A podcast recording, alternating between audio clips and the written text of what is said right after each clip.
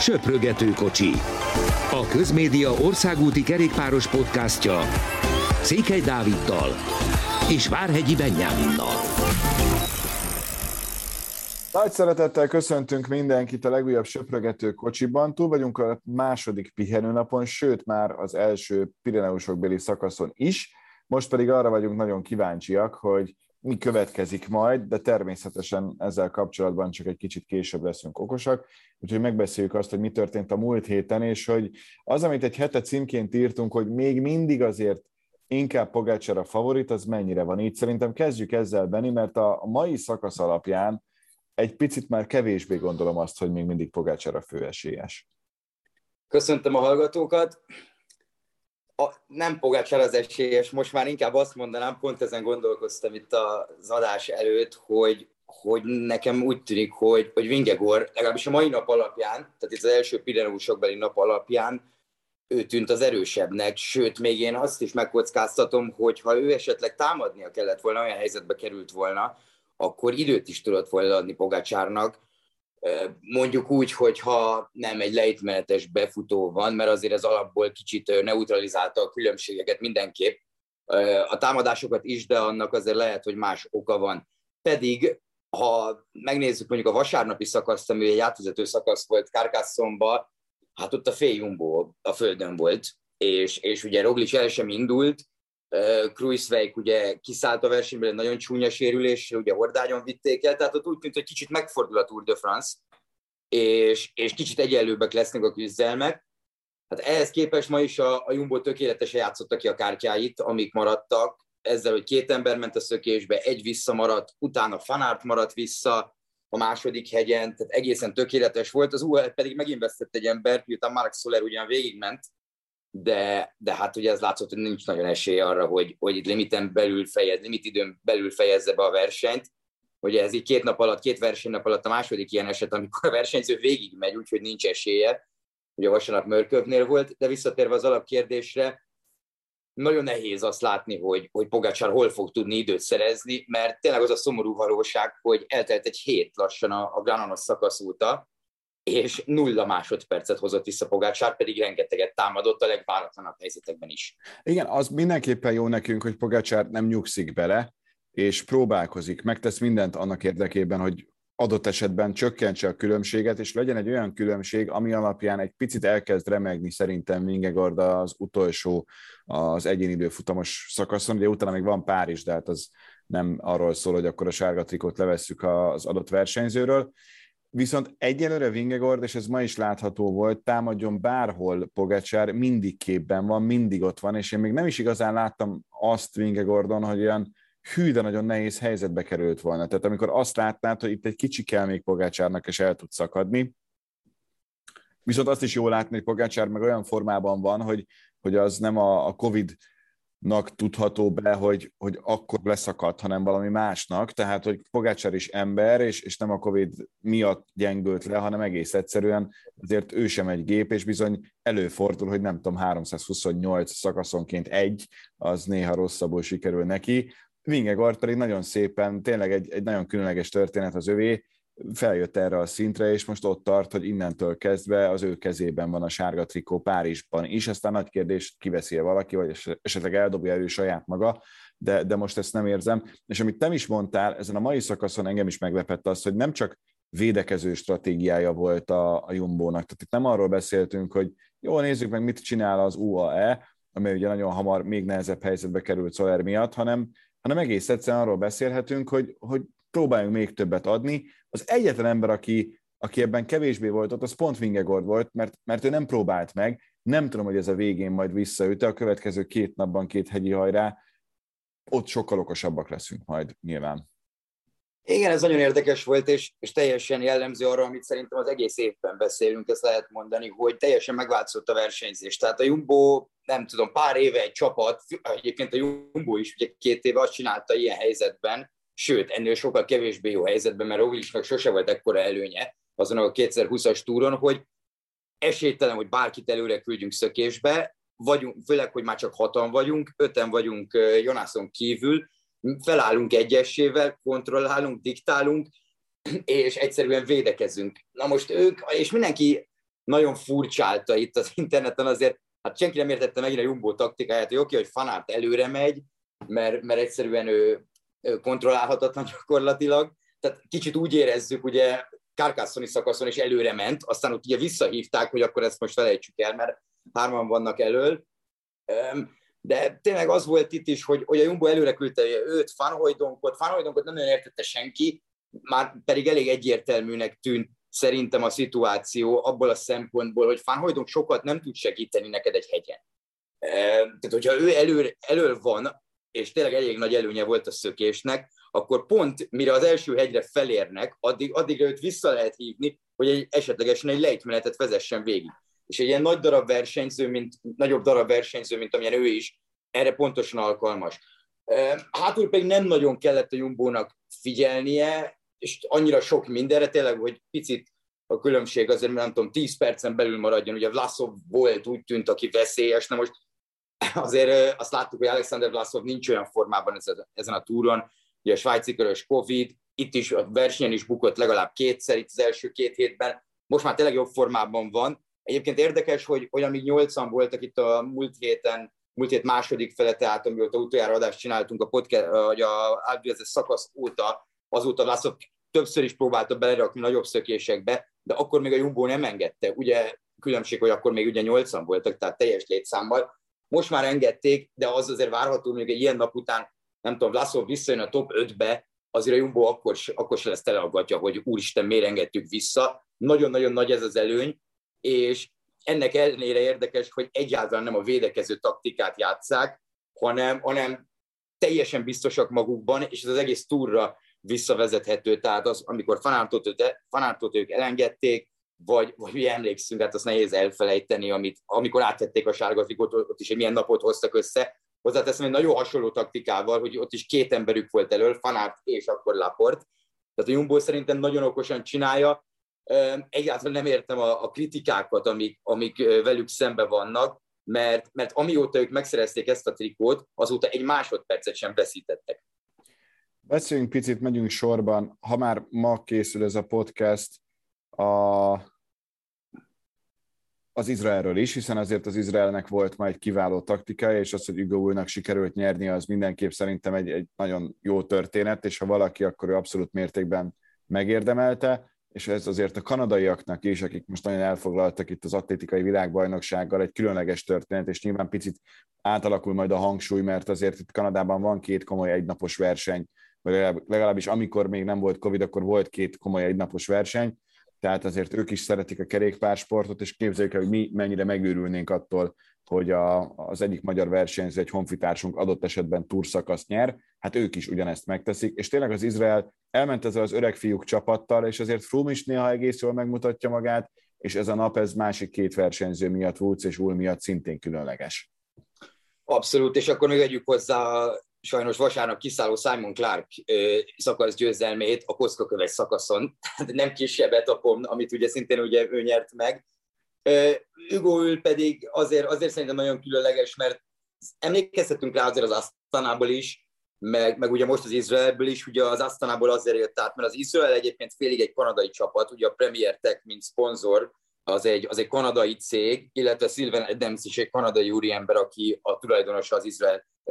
kerékpáros csapatának. Tehát nekik nagyon-nagyon fontos ez a kanadai vonal. Ugye Michael Woods is, és pont Sylvan Adams karolta fel még, mikor befejezte a hosszú távfutó karrierjét, nem tudom, egy szűk tíz évvel ezelőtt. Másrészt meg azért különleges szerintem, mert, mert ugye Hugo története azért így, aki nézte a közvetítést, annak az, azok számára ismert, hogy, hogy neki pont mikor profi lett 2012-ben a bátyját futás közben egy uh, ittas uh, sofőr elütötte, és, és így életét veszítette, és, és ugye ülnek az volt a cél, hogy egy túron szakasz nyerjen. Nyilván nem a leg, hogy fogalmazok, legismertebb versenyző, vagy az, akit a leg, leginkább emlékszik rá az ember egy-egy versenyen, de hogyha megnézzük, mondjuk ülnek, azt hiszem talán a jól emlékszem, a pénteki szakaszon, vagy csütörtökén, amikor Szenekienbe futottak be, és Mats Pedersen nyert, ugye ott is ő, ott volt a szökésben, és azt hiszem ott talán harmadik lett ugye Pedersen és Fred Wright mögött, tehát ülnek egy elég jó túrja van, meg, meg az Izraelnek is egy nagyon-nagyon jó túrja van, mert, mert az, hogy két szakasz, ugye Froome-nak volt az a harmadik helye az Alduezen, nekik nagyon-nagyon kellenek a pontok egyébként, ugye, amiről, amiről azért beszéltünk a túr előtt, most a túron annyira azért nincs előtérben nyilván, de, de a csapatok szerintem erre figyelnek azért legalább fél szemmel, hogy az UCI pontok nagyon kellenek, hogy az Izrael ott maradjon, ugye a fullszángot ők is elveszítették bordatörés miatt, tehát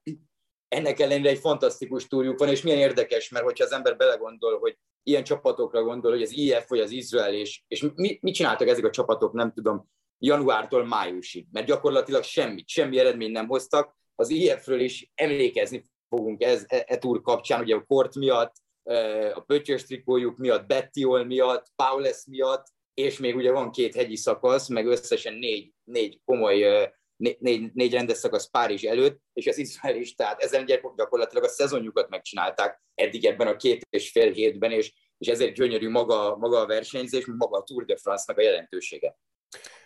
És akkor beszélünk az Ineosról is, gondolom ezt a témát már nagyon vártat, hiszen Geren Tomás kifejezetten jól tartja a, a harmadik helyét, még akkor is, hogyha ő láthatóan nem olyan erős, mint a másik két versenyző a dobogón, és ezt bár mondta, hogy a Pirineusokban bármi megtörténhet, és sok minden megváltozhat, a mai alapján még inkább meg lennék lepődve, hogyha ebből lenne egy Ineos győzelem, de azt gyorsan hozzá tudjuk tenni, hogy, hogy Thomas is jó, Jéz is jó, Martinez ma azért segített, tehát itt azért arról beszélhetünk, hogy, hogy létszámban, tömegben egyértelműen az Ineos a legjobb, hiszen még Pitkok is ott van a, a legjobb tíz között a, a harmadik Ineososként, tehát csapatversenyt tekintve azért elég jó helyzetben van a, a korábbi Sky, de ugyanakkor nem tudom, tehát én nem látom azt, leszámítva mondjuk Karapászt, hogy, hogy adott esetben lesz majd a jövőben olyan versenyző nagyon sok, aki, aki hozzá tudná tenni úgy az Ineos az a saját teljesítményét, hogy abból mondjuk túrgyőzelem legyen. Igen, ez, ez mindig nehéz így előre megmondani, ezzel nyilván most ők nem akarnak majd Carapaz helyére igazolni új versenyzőt, hanem sokkal inkább itt a fiatalokat próbálják, hát hogy mondom, fejleszteni. Azért Pitkok elég biztató, hogy, hogy élete első túrján, most tudom, hogy 10 perc hátrányban van, de nyertek szakasz az ezen ott tud maradni, azt látjuk, hogy a képességei egyébként megvannak, akár felfele, lefele pedig mindenképpen, tehát hát, hogy Egán Bárnát is mondhatnám, hogyha Karapáz Igen, Egánnal ki, nyilván mindenképp kérdés, hogy ő majd hogy térhet vissza, de, de azért benne nagyon bíznak, és tényleg látva azokat az eseteket, amikor egy kerékpáros nagyon durva baleseteket szenved, és hogy tud onnan visszatérni, vagy nagyon sokat kell kihagynia bármiféle eltiltás, vagy ilyesmi miatt, és milyen magas szinten vissza tud jönni, azért ez elég biztató. De, de például a Vueltára ezzel lesz, leszek én kíváncsi, mert ugye Carapaz lesz a kiemelt ember, de lesz egy nagyon fiatal Carlos Rodriguez, ugye egy Luke Pleb, illetve nyilván a klasszikus sorból is lesznek olyan emberek, akik, akik masszívan jó segítők lehetnek, mert a klasszikus sor, azt láttuk tavasszal, hogy, hogy milyen szinten van, itt főleg, főleg a fiatalok. Ezen a versenyen, ugye Edem Jéz azért ő nem tökéletesen érkezett, de, de azt én nem ennek tudom be, hogy ő, hogy ő így áll, mert nem áll rosszul. Ma például G, G. Thomas pont azt mondta, hogy milyen sokat segített neki Jéz, hogy visszajöjjenek, Hozzáteszem, az Ineos is egy Jumbohoz hasonló taktikát alkalmazott, hogy Dani Martinez előre küldte. Ugye erre számítottunk azért, hogy, hogy Dani Martinez a harmadik hétre, tehát ahogy hallottam, itt gyakorlatilag a hetedik, nyolcadik szakasztól itt a második hét közepéig antibiotikumon élt gyakorlatilag, és, és azért úgy nagyon nem egyszerű, főleg ebben a 40-42 fokban, amiben itt mennek négy-öt napja, de ez egy el, elég merész, nagyon jó azt látni, hogy ő már szombaton is a szökésbe tudott lenni, ma is, ma is hasznos ember volt, de, de azt azért tényleg nehéz elképzelni, hogy mondjuk hogy mondjuk Geraint Thomas megpróbálja megtámadni Pogácsárt, vagy igazából nem elképzelni nehéz, hanem nincs értelme. Tehát azért nem támad az ember csak azért, hogy támadjon, mert ezzel mindenki tisztában van, főleg ők, hogy, hogy, hogy egyszerűen nincsenek, főleg ebben a hogy fogalmazok, tehát ebben a nagyon gyors támadásokban, a nagyon gyors acceleration nincsenek annyira, elő, nincsenek annyira szí, olyan szinten, mint, mint Pogacsár vagy Vingegor. Viszont Tomás nagyon bízik például az időfutamban, amiben azért ő elég jó. Nyilván a többiek is nagyon jók,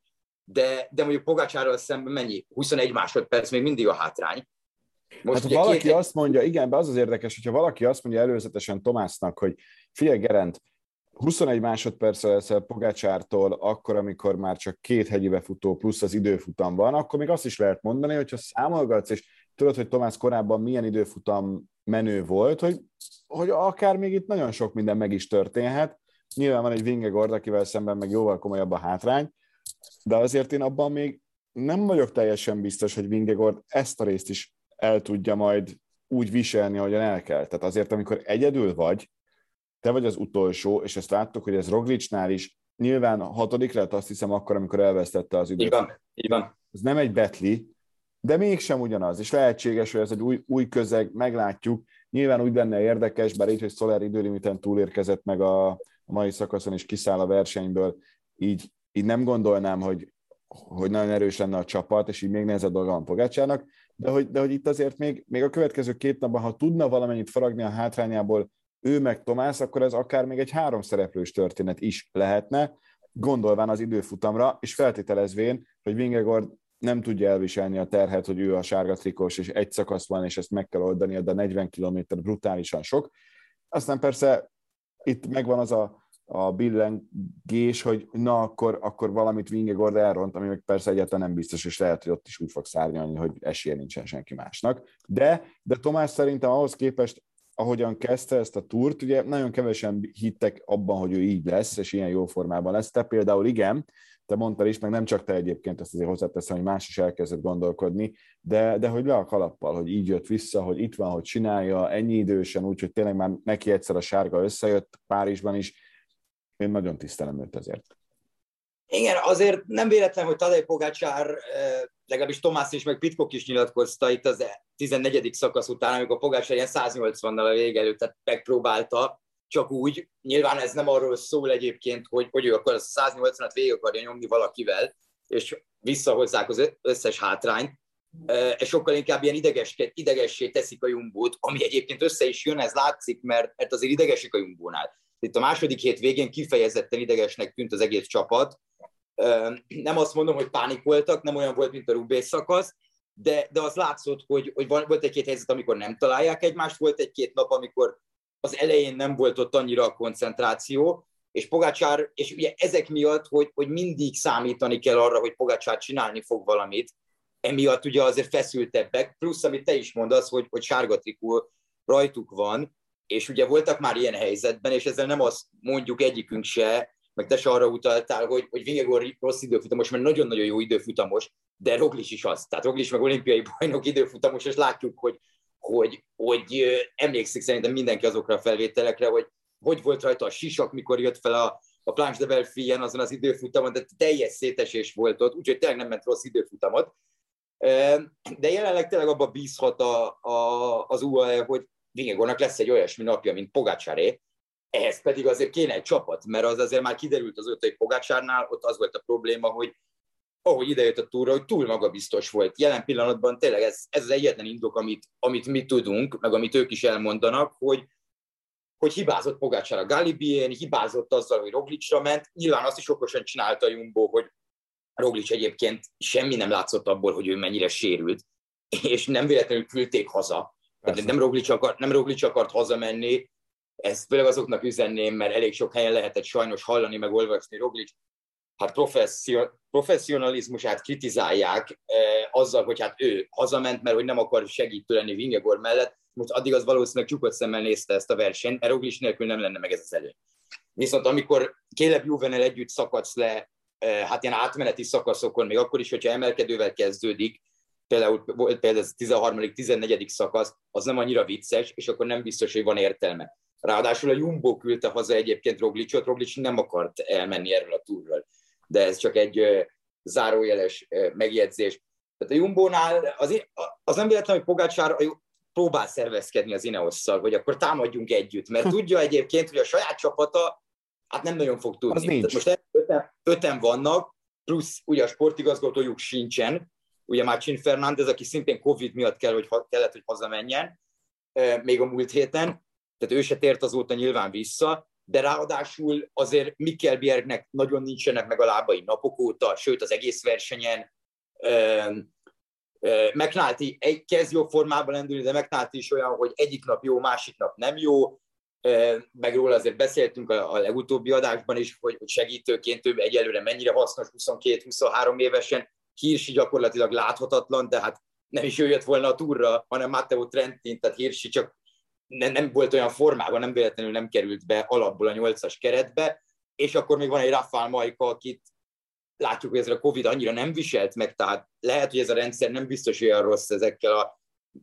fertőzési, mennyi, tehát milyen, mennyire fertőző valaki, ezt nem biztos, hogy árt nézni, más sportágokban sem, mert láthatóan ugye nincsen hatással nagyon a szervezetre. Tehát mondjuk kort esetében ugye az volt, hogy felkelt, fájt a feje egyébként, és lázas volt. Most ott azért alapból is kiszáll, ha, ha negatív, ha pozitív a tesztje, teljesen mindegy. Ha beteg valaki, akkor beteg, ha nem, nem.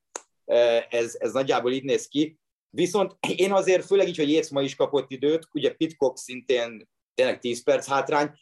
azért az Ineos helyében egy napot még, mert ez két rövid nap lesz, két nagyon-nagyon kemény nap a Pirineusokban, de tényleg ilyen 130-150 kilométerek, szerintem meg lehetne próbálni. Nem is feltétlenül a sárga trikóért, mert ugye alapból az a cél nyilván, de itt látva az, hogy mondjuk Tomás mögött másfél perccel van Nairo Quintana, és ebből a másfél percből valószínűleg egy 40 kilométeres időfutam után lesz három perc, így igazából veszíteni valója nincsen ennek a csapatnak, mert most jelen pillanatban úgy nézünk ki, hogyha nincs bukás, és csak ugyanezt a védekező taktikát csinálja az Ineos, a harmadik hely simán megvan. Most, ez a 21 másodperc, még a Pogácsárnak egy nagyon rossz időfutama lenne, még a második hely is meg lehet. Tehát itt a, a dobogó azért elég biztosnak tűnik, főleg itt tényleg az időfutam miatt, mert ha megnézzük, hogy kik vannak Tomás mögött, hát senki sincs olyan szinten időfutamon, mint ő. Tehát ő inkább a, a, a Pogácsár Vingegor szinten van egyéni időfutamban, mint sem a Godú, Quintana szinteken. Tehát én az Ineos helyében, és igazából még számítok is rá, mert jelen pillanatban ők megvannak max számmal, ők tűnnek a legerősebb csapatnak, és, és szerintem egyszerűen, és nincs veszíteni valójuk, tényleg már a dobogó sem nagyon veszíteni való. Tehát az, hogy te, te előre küldesz egy Edem egy Pitcockot, egy Dani Martinez együtt nagyjából, hogy a háromból kettőt, arra azért lehet, hogy a Jumbónak és az UAE-nak is reagálnia kell. Izgalmas lesz, az biztos. Szerintem egy nap lesz támadás, így két egymást követő szakaszon van hegyi befutó, vagy pedig arról beszélhetünk, hogy, hogy akkor mind a két nap kell próbálkozni, próbálkozni, hogy a Jumbo annak idején próbálkozott Pogacsárral szemben megállás nélkül. Annyira végén vagyunk a turnak, és annyira fáradt mindenki, főleg itt a nagy meleg miatt egyébként, mert az nagyon durván rádog. Itt már senki nem egészséges, ezt azért mindig figyelembe kell venni. Én egyébként a, a 18. szakaszon, tehát az Otakamos szakaszon számítok arra, hogy egy ilyen hosszabb, egy ilyen olyasmi, mint ami a Telegraph Galibier Grano 3-ason volt a Jumbo-tól, valaki megpróbál egy ilyet, akár az UAE, akár az Ineos, mert ott három brutálisan nehéz hegy van egymás után, tehát az, az, azért nem lesz vicce. Két kiemelt kategória, egy első kategória, és a holnapi szakasz is érdekes, mert, mert ott is egyébként négy emelkedő van, hát most itt nézem, hogy, hogy egyébként egy ilyen 80 kilométeren belül. Tehát ugye a, a Pireneusokban azért könnyebb egy ilyen hosszabb akciót megcsinálni, mint az Alpokban, mert a hegyek közelebb vannak egymáshoz, legalábbis a csúcsok, emiatt a völgyekben gyakorlatilag kisebb a terület. Tehát igazából nincs az, hogy neked 15 kilométert a völgybe kell menned, ami kicsit azért mindenkit megijeszt attól, hogy támadjon. Itt sokkal inkább lemész, és már kezded a következő hegyet. Emiatt sokkal több esély van arra, hogy ki tudod használni ezeket a képességeidet. Azon se lepődnék meg, hogyha mindkét nap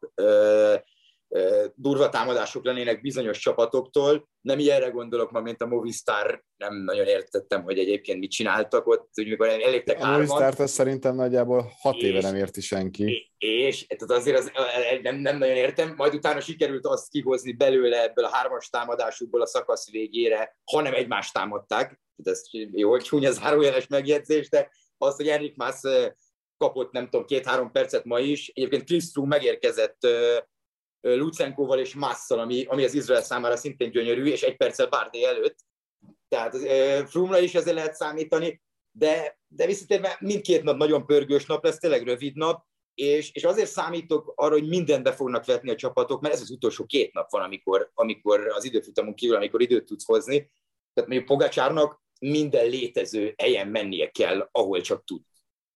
Szerintem ez a létező legjobb befejezése ennek a mai résznek. Nyilván sokáig ez a rész ez nem lesz igazán aktuális, mert hogy holnap már lehetséges, hogy teljesen más lesz a helyzet, vagy holnap után biztos, hogy teljesen más lesz a helyzet, úgyhogy szerintem majd holnap után tudunk egy, egy újabbat, nagyon világot megváltani, hogy akkor mi is lesz, meg hogyan. Utolsó dolog, nem tudom te, hogy vagy vele, szerintem ez, ez egy nagyon jó kis túr minden szempontból.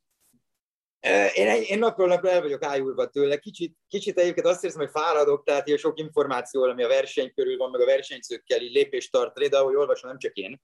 Viszont, viszont én, én megkockáztatom azt is, hogy, hogy nem tudom, évek óta nem láttunk ilyen jó három hetes versenyt. Um, és, és most itt nem csak arra értem, hogy mennyire szoros az összetett, de szerintem mondjuk ez kategóriákkal jobb, mint ami volt 2020-ban, amikor ugye szintén utolsó nap dölt el. Um, tényleg utoljára talán a, a 18-as Giro, ami nekem nagyon tetszett, ugye ez a nagy fordítás, de ott is igazából az az egy nap, ami, egy szakasz, ami emlékezetes. Ami, ami hihetetlen volt. Itt viszont minden napra, minden győztesre emlékszik az ember, és, és a túr, túr mindig ilyen volt, de most így visszagondoltam, hogy ma Hugo ül, tegnap előtt Jasper Philipsen, azelőtt Michael Matthews, gyakorlatilag mindenki sír a kamera előtt, akik, akik nyernek, vagy akik olyan eredményeket térnek el, vagy egy szökésből egy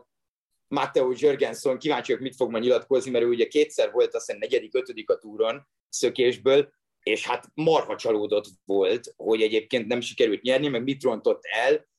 Tehát itt, itt minden, mind a 176 most már csak ilyen, mennyien, 25-en szálltak ki talán, vagy 22-en valahogy így. Tehát mind a 176 elinduló versenyzőnek akkor a dolog, hogy, hogy itt tud lenni, hogy tényleg nem is tudom, ki mondta még a versenyről, talán Magnus Kort, hogy ez az egyetlen olyan verseny a, a, a profi kerékpárosok életében, ahol azt is számolják, hogy hányszor indultak el rajta. Így van. E, de, és, és ez egy fantasztikus túr, szerintem minden napnak megvan a sztoria, nincs unalmas nap, de, de nagyjából olyan, mint a szezon egyébként, mert, mert a szezon is ilyen, hogy, hogy nem tudsz úgy, úgy leülni, hogy ah, akkor ez most egy unalmasabb verseny lesz, egy unalmasabb nap, mert, mert mindenhol már annyit változott a versenyzés, meg a felfogásuk, hogy, hogy a nagy öregek egyébként nem is nagyon értik, hogy, hogy néha mit csinálnak a csapatok, de, de számunkra ez nagyon jó, és úgy tűnik, hogy nekik meg többnyire működik.